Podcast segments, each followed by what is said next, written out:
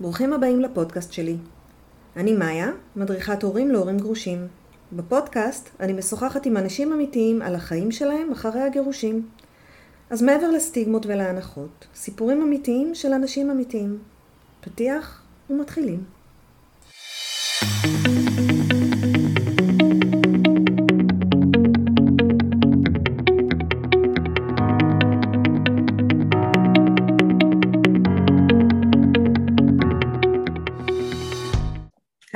היום אנחנו עם נמרוד שיין. נמרוד הוא משורר, איש תקשורת ותוכן. נדבר על השירים שלו. היי נמרוד. אהלן, ערב טוב, מאיה. בוא, אתה רוצה להציג את עצמך? נמרוד, בן 57, גר בתל אביב, יש לי אהבה וכלב וילדים, לא לפי הסדר הזה. בגיל 50 אה, הפכתי להיות אה, האדם שיושב מולך כרגע? שזה משור, משורר, ואיש uh, המילה הכתובה, ומורה לספרות, וחיי uh, נעים סביב הציר הזה של המילים, למרות שאני כותב כבר מגיל 16, ואני איש תקשורת uh, כבר למעלה משלושים שנה, וכתבתי בידיעות, ובגלובס, ומעריב, ואני עדיין משדר כל בוקר תוכנית בוקר ברדיו.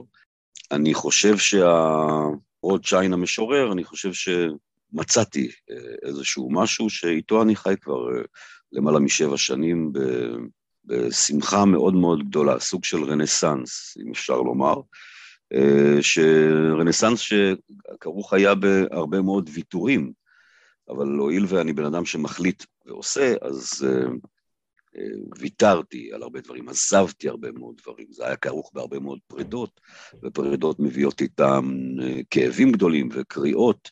אה, מתוך הכאבים האלה הבאתי את עצמי לידי ביטוי במילים.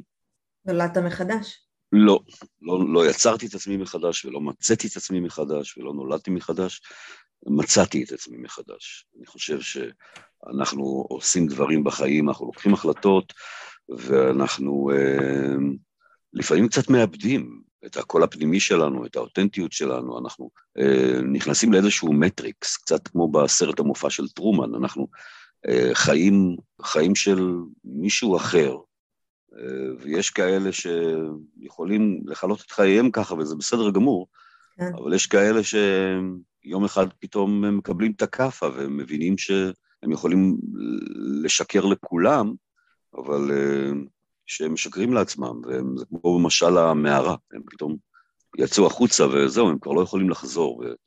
וזה הטוינג הזה, שפתאום, יש לי שיר בספר החדש, כן, שיצא עכשיו בקיבוץ, בקיבוץ המאוחד.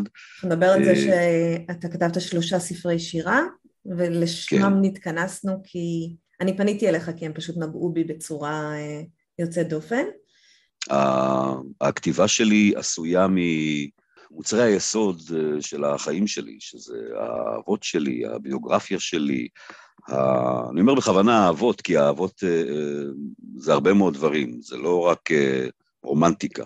כן. וזה אני כותב על הילדים שלי, על ההורים שלי, על החיים שלי, על הבית שלי, על האלוהים שלי, אני כותב על הדברים שהם שלי, שהם קרובים אליי, אז כן, אפשר לומר שזו שירה סמי-ביוגרפית, אני אומר בכוונה סמי-ביוגרפית ולא ביוגרפית לגמרי, כיוון שחלק אה, זה גם הדמיון שלי. אה, לא הכל אה, אפשר לראות בזה ראייה פורנזית בבית המשפט. אני, זה לא עדות שאני נותן, זה, זו, זו אומנות, וזו האומנית שלי. המילה הכתובה זו אומנות, זה נשמע פלצני נורא, אני יודע. אבל זה נכון. אבל כן, תכלס, וואלה. מותר להיות פלצנים פה, זה בסדר. מאחר ואני שדה שבו הגירושים הם אה, תופסים מקום, אז אה, באמת הגירושים שלי, הקריאה הזו, ההחלטה שלקחתי, כמובן שיש לה אדוות, אדוות אל מול הילדים שלי, אל מול ההורים שלי, אל מול החברה שלי, אל מול האלוהים שלי, הרי בסופו של דבר אני צריך לתת דין וחשבון גם לאלוהים.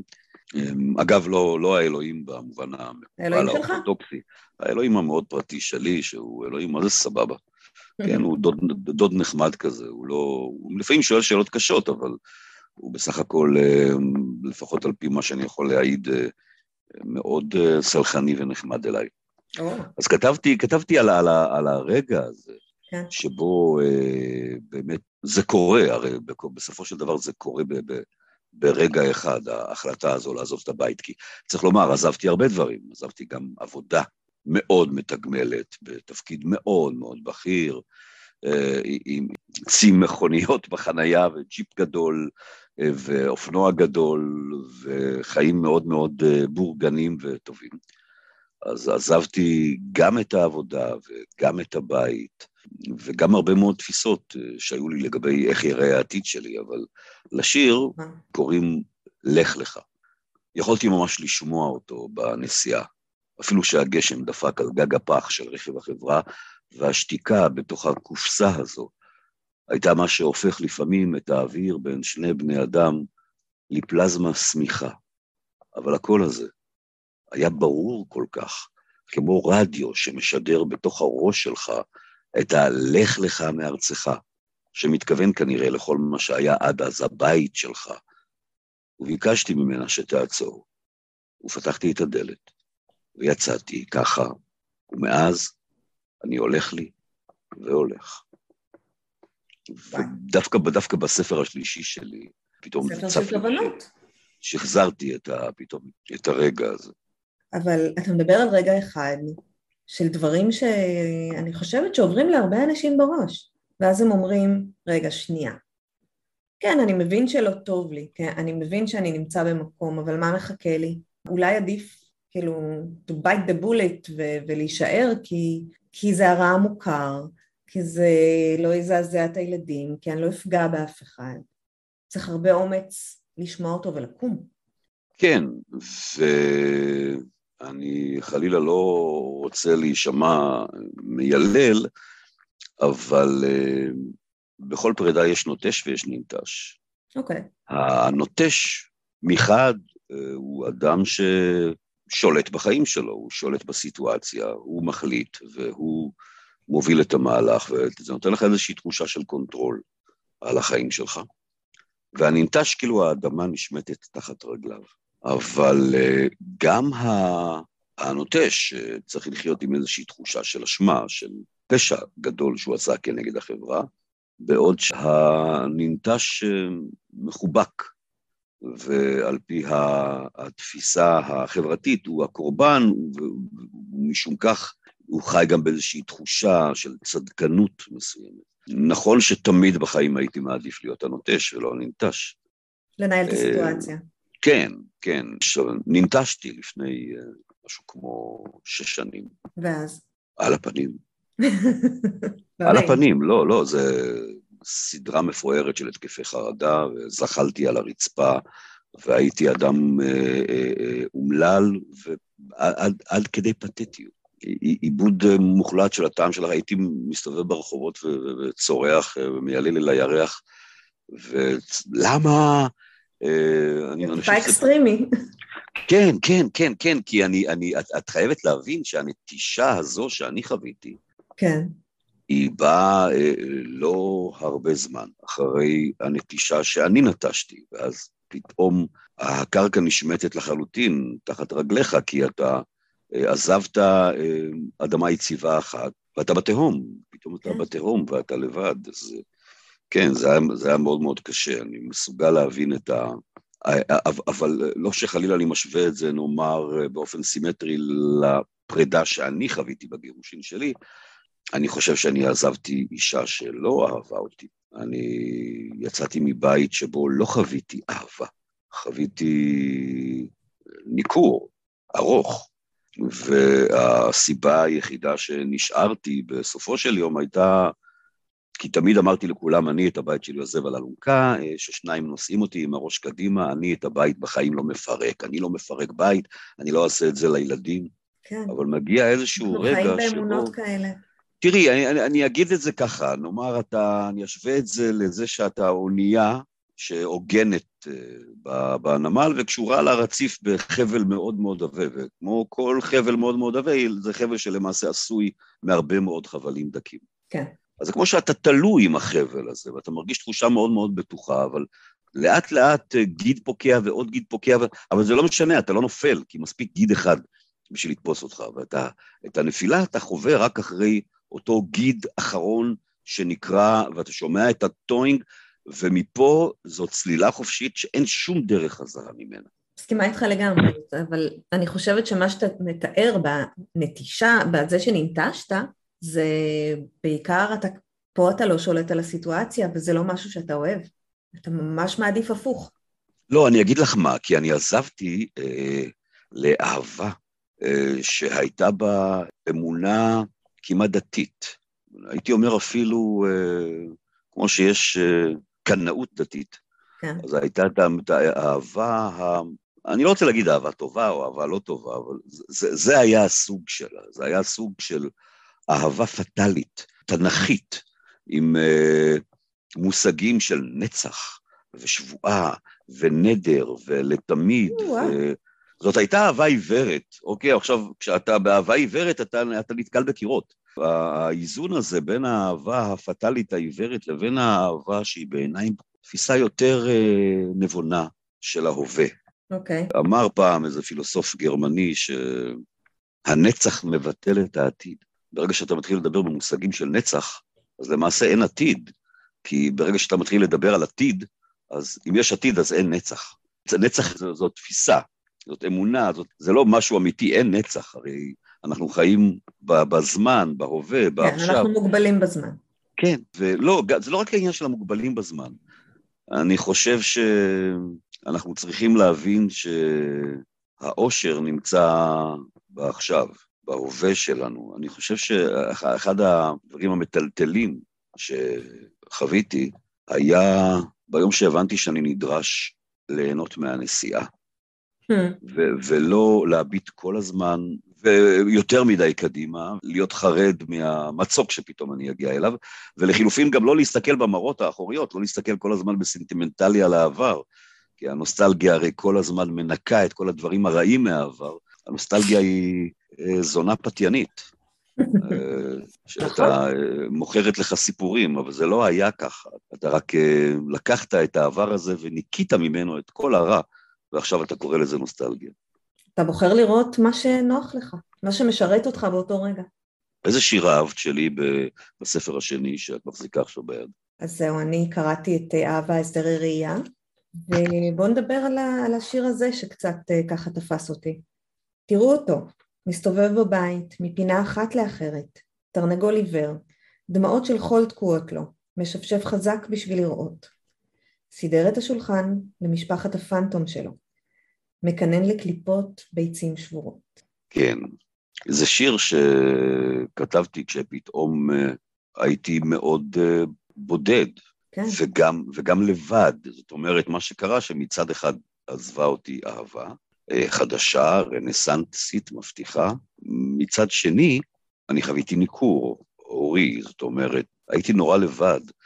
את יודעת, אה, היו סיטואציות שהייתי מכין להם אוכל לארוחה, עם סירים ומבשל, ו, אה, וכבר חיכיתי נורא שהם יבואו, ואז ברגע האחרון הם אמרו לי אה, שהם לא מגיעים. אני פשוט לקחתי את הסירים והכנסתי לקופסאות פלסטיק. אני זוכר את עצמי בוכה, ואני מרגיש את המשפחה הזו כמו איבר ש, שנחרט, אבל אני עדיין מרגיש את תחושת הפנטום הזה של המשפחה. וכן, זה שיר שנכתב מתוך uh, מקום מאוד מאוד נמוך. שיר שבעיניי, עבורי הוא סימן את, ה, את ההתחלה. אתה מתהלך בעולם חדש, ויש לך משפחת פנטום, יש לך זיכרונות מזה שהיית משפחה פעם, והיו פה ילדים סביב השולחן. אני חושבת שהמון המון המון גרושים מרגישים בדיוק ככה. אני, אני רוצה לקרוא לך שיר מהחדש, שמדבר על אותם, אה, על אותם רגעים. זה, זה שיר שאני לא יודע כמה שירה יש. איך קוראים לחדש? נכון לכתיבת שורות אלו. לשיר הזה קוראים אה, חיילת. הבת שלי באיזשהו שלב אה, התגייסה, הפכה להיות חיילת, ובמקום לדבר על זה, אני פשוט אקריא את השיר, בסדר? כן, בטח. חיילת. מכונת הכביסה אצל אמא התקלקלה, אז שאלתי אם אפשר אצלי, ואמרתי בטח, והבאת אליי שקית מלאה. וזה היה מוזר, כי כבר כמה שנים שאני עושה כביסה רק לעצמי, וזה ברור שאת הכביסה שלכם אתם עושים אצל אימא, בבית שבו אתם גרים. ואצלי זה המון דברים אחרים, אבל אף פעם לא כביסה, ועכשיו חורף. ואין לי מייבש. אז תליתי את המדים ואת כל הגופיות הצבאיות והגרביים העבים מול התנור כל הלילה, והחלפתי להם מיקומים, כדי שכשתבואי, הם יהיו יבשים. וקיפלתי על שולחן האוכל יפה, כמו שעושים בחנויות, והערכתי אותם גם קרוב אל הפנים, כמו פעם, כשהייתם ילדים. אבל במקום להניח על הספה או על המיטה שלך בחדר, הכנסתי את כל הכביסה הנקייה לתוך שקית רחבה של איקאה כחולה, כדי שיהיה לך נוח לקחת אל המקום האחר שאת קוראת לו הביתה. ואמרת לי תודה. ואני לא חושב ששמת לב בלכתך, אבל פתאום למילה הזו של שבת היה ריח של מרכך. איזה יופי. שוב, מדבר על אותו דבר, אני חושבת. כן, כן, אה, היחסים עם הילדים, הבן, צריך לומר, אה, הבן המבוגר, זה היה משהו אחר, אה, הוא בילה איתי יותר, וביום שעברתי דירה, הוא עבר איתי באותה משאית ועברנו יחד לתל אביב, וגם היום הוא גר עשר דקות ממני. אגב, הבת שלי גרה עכשיו איתי. איזה כיף. כן, אבל זה לא היה ככה. יש שיר שנקרא, שיר קצר שנקרא בתור לחבילה בדואר. אני מביט בשעון ונזכר שבדיוק עכשיו בעצם מתחיל הטקס של הילדה, ושאני לא שם, כי היא ביקשה, אתה מבין, אמא תהיה. ואני רוצה ליהנות מזה, ולא לתת לחומצת העברים שלכם לחנוק את הרגע ולשרוף את האהבה. זה באסה, אבל זה נכון, זו המציאות שלנו. לפעמים כן. uh, הילדים אומרים, שחרר אותי, שחרר אותי מהעול הזה של לסחוב את הריב ביניכם. שחרר כן. אותי מהעוינות, תן לי שנייה את הרגע שלי. לסוג הזה של הפרידה, של הניכור המוחלט והביטול והגזירה הזו של החיים שלך, יש, זה כרוך בכאבים ויש לזה המון חסרונות, וכמובן שהייתי רוצה להיות וודסטוק ולהיות ביחסים סבבה עם גרושתי ולהתארח אצל ההורים שלה מדי פעם לארוחות ערב ולשמור על מה שנקרא civilized. לא, לא תמיד אפשר. ולא תמיד אפשר, ומצד שני, פתאום החיתוך הזה בסקפל, טאק, יש בזה גם איזה סוג מסוים של יתרון, כי אני חושב שזה מביא להחלמה גם יותר מהירה, ואני חושב שזה מפנה לך גם, שולח אותך לחיים החדשים, אותי לפחות. באיזשהו מקום מצאתי שזה עוזר לי, כי אני לא צריך לסחוב עכשיו את הקיט בגזה על הגב של החטא הגדול הזה. כן. וכאילו, ולהמשיך והלאה. פשוט להמשיך. אבל מה שטוב עכשיו זה שהגעתם לשלב אחר בחיים, לשלב שבו הילדים יש להם יותר שליטה על החיים שלהם, והם בוחרים. והבן בחר לגור לידך, והבת עכשיו בחרה, זאת אומרת, הקונפליקט כבר פחות מנהל אותם. אני חושב שזה משום שאני אבא טוב. אין ספק. במחילה, זאת אומרת, אה, אני לא חושב שבחורה בת 22 הייתה בוחרת לגור עם אבא שלה, אם היה לה קקה של אבא, היא יודעת להתפרנס ולגור עם שותפים או עם חבר שלה. ברור. ואותו, ואותו דבר אה, בן שלי, שאני איתו ביחסים מאוד מאוד קרובים. אני חושב שבסך הכל הייתי אבא טוב. לא, מה שהשתחרר שלי... זה לא ההורות שלך, מה שהשתחרר שם זה, הם כבר לא כל כך אה, נלחצים, שהם כבר לא בין הפטיש לסדן יותר, הם כבר יכולים כן, גם לא, הם גם הבינו שלא עזבתי אותם, עזבתי את אימא שלהם. אה, ושם ש... אנחנו שואפים. כן. אני רוצה להמשיך לעוד שיר, בא לך? זה כיף, בשביל זה אני פה, לא בשביל השירה. אנחנו שלל ממלחמתם של אחרים. כשאני עובר בשדה הקרבות שלך, אני מלקט את כל מה שיכול היה להיות שלהם. לפעמים אני מרגיש כאילו הניצחון הזה לא שייך לנו, אבל את הכל אנחנו אוספים. שזה שיר שמאוד אהבתי. כן, תראי, בפרק ב', בפרק ב' אין את, אין את הדיסני. אין את הדיסני של החתונה הראשונה, אתה מתוך איזושהי תפיסה של טהרה דתית כזאת. לא, אתה גם מבין שהבן אדם לפניך עבר, כאילו, בן אדם שאתה פוגש עבר דברים. כן, והתמזל מזלך לפגוש אותו, כי ככה הסתובבו הדלתות וככה הסתדרו הכוכבים. נכון. ובאותה מידה מכל הטוב הזה שאתה נהנה ממנו עכשיו, זה היה יכול להיות של מישהו אחר, אבל המישהו האחר הזה אה, הפסיד, או, או ניצח. והשלל, אה, אנחנו, אנחנו למעשה בפרק ב', השלל מהמלחמה שניהלנו עם אנשים אחרים. זה תמיד, אה, יש לי שיר שאני, אה, בספר שאת מחזיקה, שאני שוטף כלים. פתאום עולים לי, תוך כדי שאני שוטף כלים, כל הגברים הקודמים שלה. עם כל ה... עם השיער והקעקועים והשרירים וההנחות וה... ואני אומר, הייתי רוצה להיות עבורך כל הגברים האלה. במקום לקנא בהם, להיות משהו אחר, חדש. יש, יש איזה תהליך שאתה צריך לעבור מרגע שאתה יוצא, נאמר אם אתה מתחתן אדם צעיר, ומבלה שניים או שלושה עשורים עם אותו בן אדם. כן. יש איזושהי הכרה כשאתה יוצא החוצה אל השדה הזה של האנשים הפנויים. אתה עומד לפגוש אנשים שלכל אחד יש את המזוודה הקרועה שלו, ואתה צריך בדיוק באותה מידה שאתה פורס את המזוודה שלך על המיטה ואומר, הנה, זה מה שאני, כן. עד, שלי מה קרה לי. אתה, צריך להיות, אתה צריך להיות מוכן אה, גם לקבל את זה, לקבל את זה מהצד השני, כן. ואני חושב שפרק ב' זאת אהבה שמביאה איתה הרבה מאוד תבונה. אה, ומורכבויות. כן. כי אני כן, באה אבל עם... עם כל המזוודה הזאת של הגברים האחרים שפגעו בי ועשו בי, ו... ומפה לקחתי את זה, ואני מגיעה למודת קרבות. וזה מה שצריך לקבל עכשיו. אתה באמת לא מקבל את הנסיכה מדיסני שסיימה בית ספר ובאה. יחד עם זאת, יחד עם זאת. זה נורא קל להגיד, אני כבר זונה זקנה שראתה את כל הבולבולים, אני כבר לא מתרגשת משום דבר. אוקיי. Okay. יחד עם זאת, צריכה לקרות איזושהי אלכימיה כדי לעורר איזושהי התרגשות, איזושהי התחדשות. זאת אומרת, אה, אה, אני לא מקבל את הגישה הצינית הזו, המפוקחת עד אה, זרה. אני, אני, אני רומנטיקן, בגלל זה אני משורר ולא רואה חשבון, כן.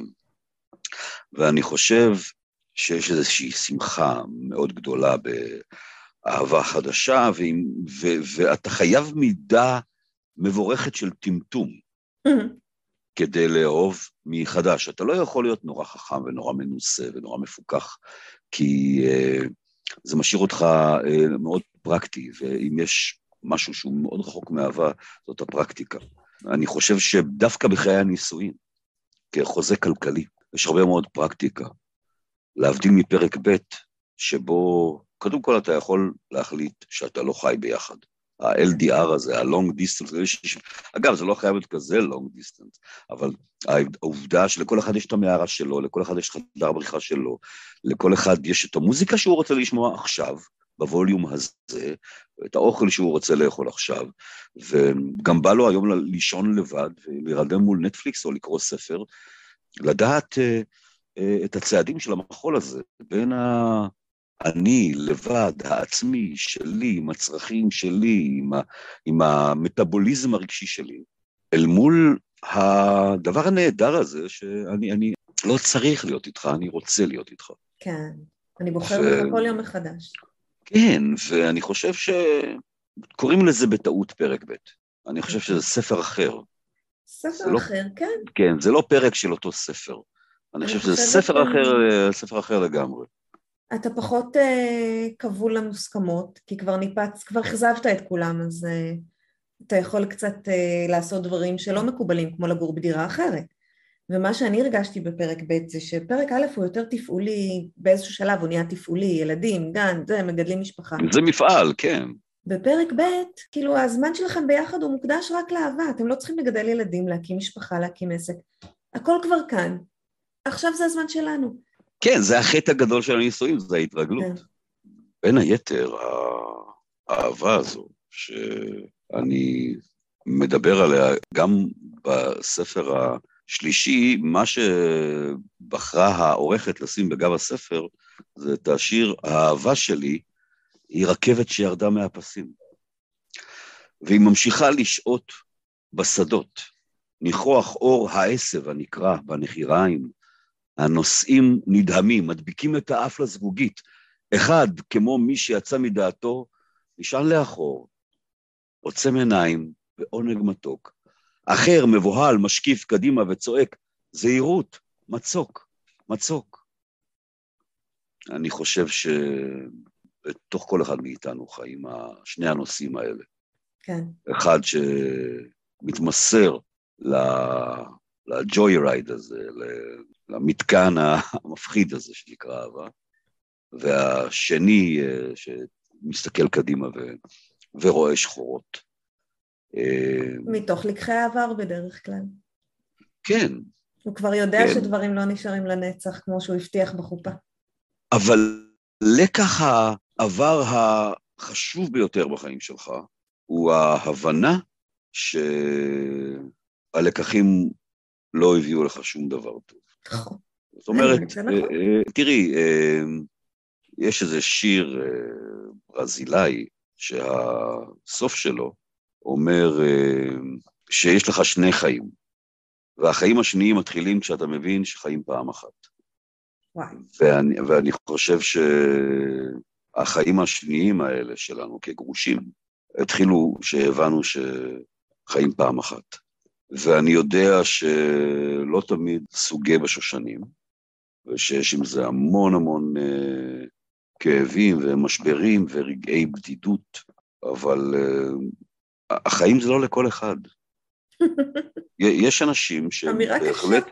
כן, כן, לא, יש אנשים שבהחלט אני יכול להניח להם בחברות יד על הכתף, ולומר להם, תקשיב, אני, אני לא בטוח שאתה בנוי לגירושים. קודם כל מהטעם הפשוט, שאם הוא היה בנוי לגירושים, הוא לא היה מתייעץ איתי. אוקיי. הוא היה פשוט עושה את זה. הוא היה יודע. כן, אם יש ספק, אין ספק, אתה צריך להישאר בבית. אבל בדיוק כמו שהאושר הוא לא איזה שמחה, אדם צריך להבין שהאושר כרוך בכאב, בדיוק כמו שהוא כרוך בעונג. הידיעה לחיות עם הכאב לצד העונג, זאת המשמעות של עושר אמיתי. Okay. אוקיי. ואני, ואני חושב שאדם שמתגרש, צריך להגיד, כן, זה, זה, זה, זה יהיה כואב, אבל, אבל זה כאב מתוק, כיוון שזה כאב שאני בחרתי בו.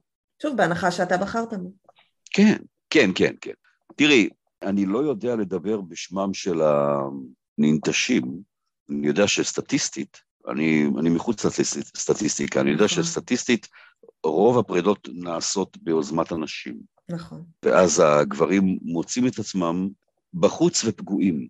ואולי מתוך הפגיעות הז, הזו נולד בהם איזה מישהו אה, שעכשיו צריך לחוות כמו באיזה, להתעורר כל בוקר אל תוך תחושת הכיבוש הזאת, ולכבוש ולכבוש ולכבוש ולכבוש, בלי באמת ליהנות מהאדמה שכבשת. אולי ו... בזכות זה שהוא רוצה להוכיח לעצמו שלמרות שהוא ננטש, הוא עדיין שווה משהו. כן, אז אוקיי, אז יכול להיות שזה גם לחזק את הדימוי העצמי, אבל כמה אתה יכול לחזק את הדימוי העצמי? אוקיי, עשית את הסיבוב הזה. כן, יצאת אתה, עם נשים נפלאות. זה פרק שאתה עושה ועובר אותו, גמרנו. כן, אבל יש כאלה שנתקעים בפרק הזה, ורוב ה... כן, זו בעיה. הגברים שאני מכיר, הם אומרים, אני עד שאני לא אהיה סיעודי, אין לי, אין לי מה להיכנס למערכת יחסים ארוכת טווח. בשביל מה? אני אמשיך אה, ליהנות ממנעמי החיים ולטרוף את החיים ולהמשיך אה, לכבוש, ו, וכן, יכול להיות שזה נובע מתוך המקום הזה, מתוך אני כבר לא, לא אנטש שוב. כן. עם איזה שיר נסיים? וואו, אני רוצה מה, מהספר האחרון, נכון, לכתיבת שורות אלו. אוקיי. זה שיר שכתבתי לאהבתי, אה, שאני חייב לה המון המון על התהליך שאני עברתי בשנים האלה, אה, כיוון שהיא בדיוק ההפוכה ממני, אם אני הדרמטי, היא לא קונה את, את הדרמות שלי. איזה כיף שהיא אה, באה. כן, כן, איך היא אמרה לי פעם, אהבה היא לא דת, אבל אתה רשאי להמשיך להתפלל. היא מאוד נהנית מה, מהדרמות שלי, אבל אה, לפעמים אני, ב... איך היא אמרה לי פעם, אני לא רוצה, אני מסרבת להשתתף ב... בפסטיבל הכאב שלך והיללות. והיא אישה של אהבות קצרות, ככה, ככה, זה שם השיר. כן. אישה של אהבות קצרות. אוהבת אותי ארוכות, בנשיקות חטופות של פרידה, על יד המכונית, בבואה ובלכתה, ובשוכבי ובקומי. וסולמות הרבה אני מושיט לה והיא מסרבת לרדת, מהענן הזה הגבוה, החומק מהישג היד. גופו של עניין היה רוצה ממך ילדים. אין, אין שיר טוב מזה. כן, כן כי אני חושב, אני חושב שגם בפרק ב', אה, גם אם אתה לא רוצה עוד ילדים, אבל אתה חייב את התחושה הזאת, שאתה, זאת אישה שאני רוצה להתרבות איתה, אני רוצה ל, ל, ל, להכפיל אותה. נמרוד, תודה רבה. נעמת לי מאוד. תודה רבה לך, מאיה. היה מקסים ומאוד מפתיע גם. שמחה לשמוע. באתי, לא, באתי, באתי לדבר כמשורר ומצאתי את עצמי מדבר כבן אדם. הצלחתי. תודה רבה, מאיה. תודה, להתראות. להתראות, ביי ביי. עד כאן הפרק להיום. תודה שהאזנתם. אם יש לכם סיפור לספר, או שתרצו להעיר על משהו ששמעתם בפרק, אתם מוזמנים לדף הפייסבוק שלנו, החיים הסודיים של הגרושים. אם אתם מרגישים שאתם צריכים עזרה בהורות החדשה שלכם, בביסוס הסמכות ההורית, ביצירת קשר עם הגרוש או הגרושה, גבולות, הקשר החדש עם הילדים, או כל נושא אחר הקשור להורות של גרושים, אני מזמינה אתכם ליצור איתי קשר דרך האתר שלי www.maya-horim.com באתר תמצאו מידע נוסף על הנושא וכן דף הסכמות שיעזרו לכם לבסס את הקשר בין ההורים הגרושים. תודה ולהתראות.